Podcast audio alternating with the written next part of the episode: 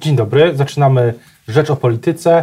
Państwa i moim gościem dzisiaj jest y, Piotr Müller, rzecznik y, rządu, y, premiera rządu Prawa i Sprawiedliwości. Witam serdecznie. Dzień dobry, panie redaktorze. Chciałbym zapytać na początek o nowe, nowe wątki w sprawie tego, co działo się czy w Ministerstwie Sprawiedliwości. Onet opisuje kolejną korespondencję, tym razem sędziego Jakuba Iwańca właśnie z Ministerstwa Sprawiedliwości. Są tam rzeczy szokujące, nawet szokujące, bulwersujące.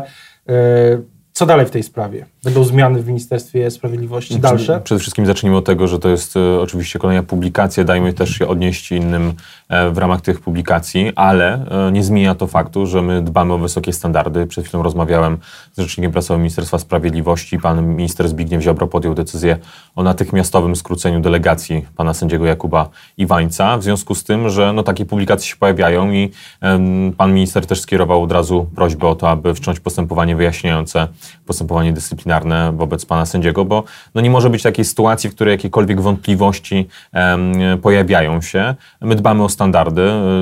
Cieszę się z tego, że w ten sposób to idzie, że szybko reagujemy, jeżeli pojawiają się jakiekolwiek wątpliwości, ale poczekajmy też na wyjaśnienie tych spraw, bo oczywiście to jest e, kwestia w tej chwili publikacji z jednej strony. Czyli e, delegacja sędziego delegacja sędziego Iwańca została, e, została skrócona. Tak, przestał pracować odchodzi, w Ministerstwie Sprawiedliwości. Odchodzi tak, z Ministerstwa samym chodzi z Ministerstwa Sprawiedliwości. Pytanie, co, mówi Pan o tych standardach, no ale ta publik, te publikacje Onetu y, ta korespondencja no, jest daleko od jakichkolwiek standardów, to pan przyzna. No, jeżeli chodzi o e, język i e, jakby ocenę tego, co tam widać, e, to faktycznie to nie są standardy, które byśmy chcieli, żeby obowiązywały. Natomiast, no, tak jak z tego, co widzę w tej publikacji, no, nie odniósł się do tego sam sędzia Iwaniec, nie znam kontekstu, nie wiem, jak ta korespondencja wyglądała, ale bronić tego nie należy, dlatego też ta decyzja pana ministra Ziobry.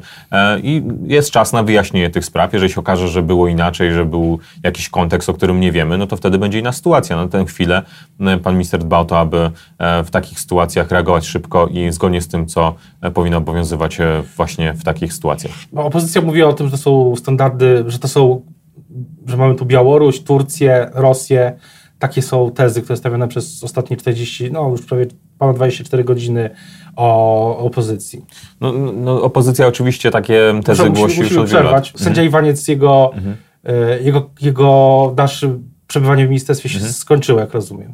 Tak, tak, tak. No, dzisiaj pan minister podjął decyzję, minister Zbigniew Ziobro, o tym, aby skrócić delegację, bo to tak się nazywa, bo pan, pan Iwaniec jest sędzią, w związku z tym jest delegowany do Ministerstwa Sprawiedliwości i pan minister podjął decyzję o skróceniu delegacji pana, e, pana sędziego. Wracając do samych e, standardów, myśli pan, że coś się zmieni, jeśli chodzi o E, Ministerstwo Sprawiedliwości? Będą kolejne zmiany w ministerstwie? No tego nie wiem oczywiście. Y, wiem tylko, że ministerstwo reaguje na te sprawy błyskawicznie. Wczoraj e, pan minister Piebiak e, zdecydował o podaniu się do dymisji. Pan premier ją przyjął. Zresztą o tą dymisję poprosił pan minister Ziobro. W związku z tym, w związku z tym tak w trudnych sytuacjach, w sytuacjach ewentualnych takich jak ta, powinno się podejmować takie decyzje. Nawet jeżeli sytuacja nie jest jednoznaczna, z czego wynikają, co mówi pan minister Piebiak w związku z tym już były minister Piebiak. Ale on niech doszukuje się tej e, prawdy na drodze sądowej, bo tak zapowiedział. A myśli pan, że będzie spotkanie ministra Ziobry z panem premierem Morawieckim w tej Ale sprawie? my się generalnie regularnie spotykamy na Radach Ministrów. Pierwsze kolejne posiedzenie Rady Ministrów jest już jutro, w czwartek, więc to też jest okazja do tego, żeby się spotkać. Więc pan premier Gowin, pan premier Morawiecki rozmawia regularnie z ministrami. To również będzie rozmowa oczywiście na temat tej sytuacji, ale to nie jest nadzwyczajne spotkanie, tylko po prostu regularne spotkanie które się odbywają. A pytanie też jest, e, na ile myśli Pan, że to zmieni kampanię wyborczą? No trudno powiedzieć oczywiście w tej sytuacji, ale myślę, że też wyborcy dostrzegają, że e, my reagujemy zawsze w takich sytuacjach, w których dzieje się coś niejednoznacznego albo coś jednoznacznie, jednoznacznie, jednoznacznie złego. Reagujemy w taki sposób, jaki powinniśmy, czyli e, albo na przykład właśnie ktoś składa dymisję, albo jest tutaj, tak jak w przypadku cofnięcia delegacji, po prostu my, my widzimy, jeżeli gdzieś są popełniane błędy, to na nie reagujemy. A pytanie Mm, ale osób tak z politycznego punktu widzenia, ale też z obywatelskiego, osobistego. Jak pan czyta to, czytał tą korespondencję, to, to co pan, nie odczuwał pan zażenowania, czy takiego poczucia, że to jest y, y, no, coś zupełnie bulwersującego? No ja nigdy takim językiem bym się nie posługiwał, e, w ogóle w taki sposób nie formułował tez. E, w związku z tym oczywiście jest to sytuacja, w której nie ma akceptacji na tego typu standardy i to trzeba jednoznacznie sobie powiedzieć, no ale są też działania, które zostały podjęte, więc absolutnie nie ma akceptacji na takie, e, na takie zachowanie. I tyle, ale poczekajmy również do wyjaśnienia i złożenia jakichś wyjaśnień przez drugą stronę tego sporu. Natomiast nie będzie nigdy zgody na tego typu działania. A myśli pan, że ta sprawa jest rozwojowa? No trudno powiedzieć oczywiście, ale będziemy reagować zawsze w taki sposób, jaki powinniśmy. No bo... Jeżeli się okaże, że ktoś e, podejmuje działania podobne, podejmował działania podobne, choć mam nadzieję, że tak nie było, e, no to, to oczywiście będą reakcje. Ja mam też wrażenie, że ta cała sytuacja to też jest pewnego rodzaju konflikt w samym środowisku sędziowskim. Pamiętajmy, że my tu mówimy o sędziach e, w gruncie rzeczy, a nie na przykład sędzia Iwanic jest sędzią, a nie, nie politykiem, tak? On nie pełni funkcji politycznej. W związku z tym ja mam wrażenie, że w samym środowisku sędziowskim też dochodzi do jakichś takich walk no nawet czasami można powiedzieć jakichś towarzyskich, bo tutaj mówimy o relacjach towarzyskich w bardzo, w bardzo wielu miejscach. Też, no bo pytam o to, bo pan premier wczoraj mówił na konferencji prasowej, że z jednej strony mówił, że sprawa jest y, dymisja mm, ministra Piebiaka kończy sprawę, ale z drugiej strony mówił, że są jakieś rzeczy do wyjaśnienia. Trochę jest sprzeczne. Nie no, oczywiście kończy w sensie politycznym, bo um, pan minister przestał być wiceministrem sprawiedliwości, ale z drugiej strony no, będą toczone i postępowania dyscyplinarne i tak jak zapowiedział minister Piebiak chce e, również e, skierować sprawy do sądu. W związku z tym no, w tym sensie tej sprawy nie zamyka, bo dalej będą trwały postępowania wyjaśniające w zakresie dyscyplinarnym i postępowania sądowe w zakresie, jakim złoży je minister Piebiak. Pytanie też o... Yy dalszy przebieg kampanii wyborczej. Wczoraj premier Morawiecki zapowiedział, że 13 emerytura ma być czymś permanentnym. Czy to, to będzie mm, w trakcie kampanii wyborczej jednym z tematów i co, co to w zasadzie znaczy? Czy będzie na przykład ustawa jeszcze przed końcem kadencji Sejmu? Czy, czy będzie zapowiedź ustawy na nową kadencję? Jak, jak to...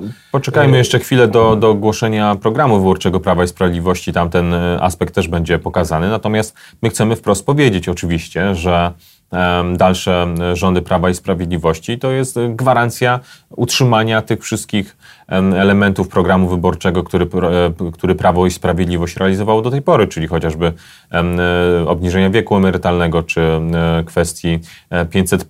Takiej gwarancji na przykład Platforma Obywatelska, PSL czy SLD, no trudno mi powiedzieć, czy dają, raczej nie. W przypadku Platformy Obywatelskiej to już w ogóle jestem raczej ich bardzo krytyczny, bo przecież Platforma krytykowała jeszcze 4 lata temu ten program ale, bardzo mocno. Ale z drugiej strony też pamiętam, pamiętam słowa polityków Prawa i Sprawiedliwości, którzy mówili, że no, że na razie ta 13 emerytura, emerytura plus jest projektem jednorazowym, zobaczymy co później. Czy na przykład sytuacja, projekcje fiskalne y, na najbliższy, najbliższy rok się zmieniły na tyle, że Teraz premier Morawiecki mówił o tym, że to jest coś bardziej permanentnego.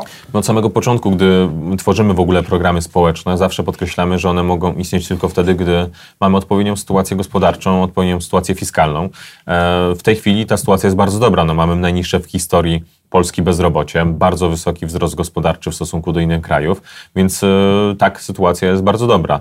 E, ale no oczywiście my mamy duże programy społeczne, więc nawet przy bardzo dobrej sytuacji gospodarczej te programy oczywiście kosztują. E, ale jestem przekonany, że będą dobre wiadomości dla emerytów, jeżeli chodzi o 13 emeryturę w przyszłym roku. To jest jak rozumiem, część programu Prawa i Sprawiedliwości 7 września jego prezentacja. No to będzie na pewno w ogóle sprawy emerytów, sprawy seniorów będą jednym z elementów tego programu, e, no ale również pokazanie właśnie tych e, kontekstów fiskalnych, ale e, co ważne impulsów rozwojowych, które mają zapewnić, że te dalsze programy społeczne mogą być realizowane, bo warunkiem tego wszystkiego jest dobra sytuacja gospodarcza. Plan pana premiera Mateusza Morawieckiego, który jest wdrażany od blisko już czterech lat, te efekty dobre gospodarcze przynosi. Pytanie też na ile, y, no jakie będą, albo inaczej, czy ten program Prawa i Sprawiedliwości 7 września, jak rozumiem, jego pełna prezentacja, czy to jest coś, co mm, będzie z, z, będą tam nowe projekty społeczne, bardziej, bardziej projekty rozwojowe, w, w, którym kierunku to pójdzie? No to oczywiście musi być balans pomiędzy tymi dwoma obszarami. Z jednej strony polityka społeczna, którą w dużej mierze już e, te wszystkie zapowiedzi zrealizowaliśmy. Również polityka gospodarcza, rozumiana jaka rozumiana jako na przykład obniżenie podatków. Przypomnijmy, że to Prawo i Sprawiedliwość ostatni raz jeszcze w 527 obniżało podatek dochodowy, teraz obniża po raz kolejny.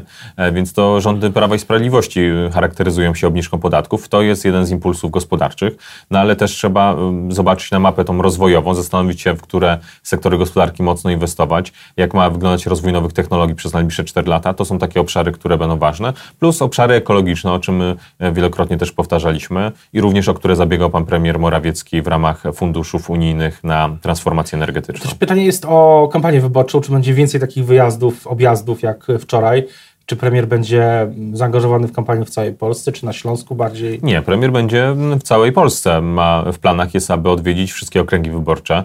E, bezpośrednio przez pana premiera. Również prezes Jarosław Kaczyński będzie aktywny w kampanii wyborczej, pani premier Beata Szydło, nasi przedstawiciele, którzy teraz zasiadają w Parlamencie Europejskim. Więc to będzie bardzo aktywna kampania. My chcemy, e, żebyśmy byli widoczni we wszystkich miejscowościach praktycznie w kraju, bo naszych kandydatów też jest bardzo wielu, więc to jest wymóg e, tej kampanii, abyśmy ją prowadzili w taki sposób. Ale to nie jest nic nowego, bo Prawo i Sprawiedliwość i kampanię i w ogóle politykę za, rząd, za swoich rządów w taki sposób prowadzi, więc to po prostu jest kwestia pewnego jeszcze większego przyspieszenia. Pytanie też o y, ten wczorajszy objazd. Y, czy mm, będzie ich, y, będą też z udziałem prezesa Kaczyńskiego takie objazdy, czy prezes Kaczyński będzie w Pisbusie? Prezes Kaczyński również będzie jeździł po kraju, jeżeli chodzi o odwiedzanie okręgów wyborczych, tak, to będzie odwiedzał. Zresztą to teraz już teraz też robi, jest przecież na piknikach.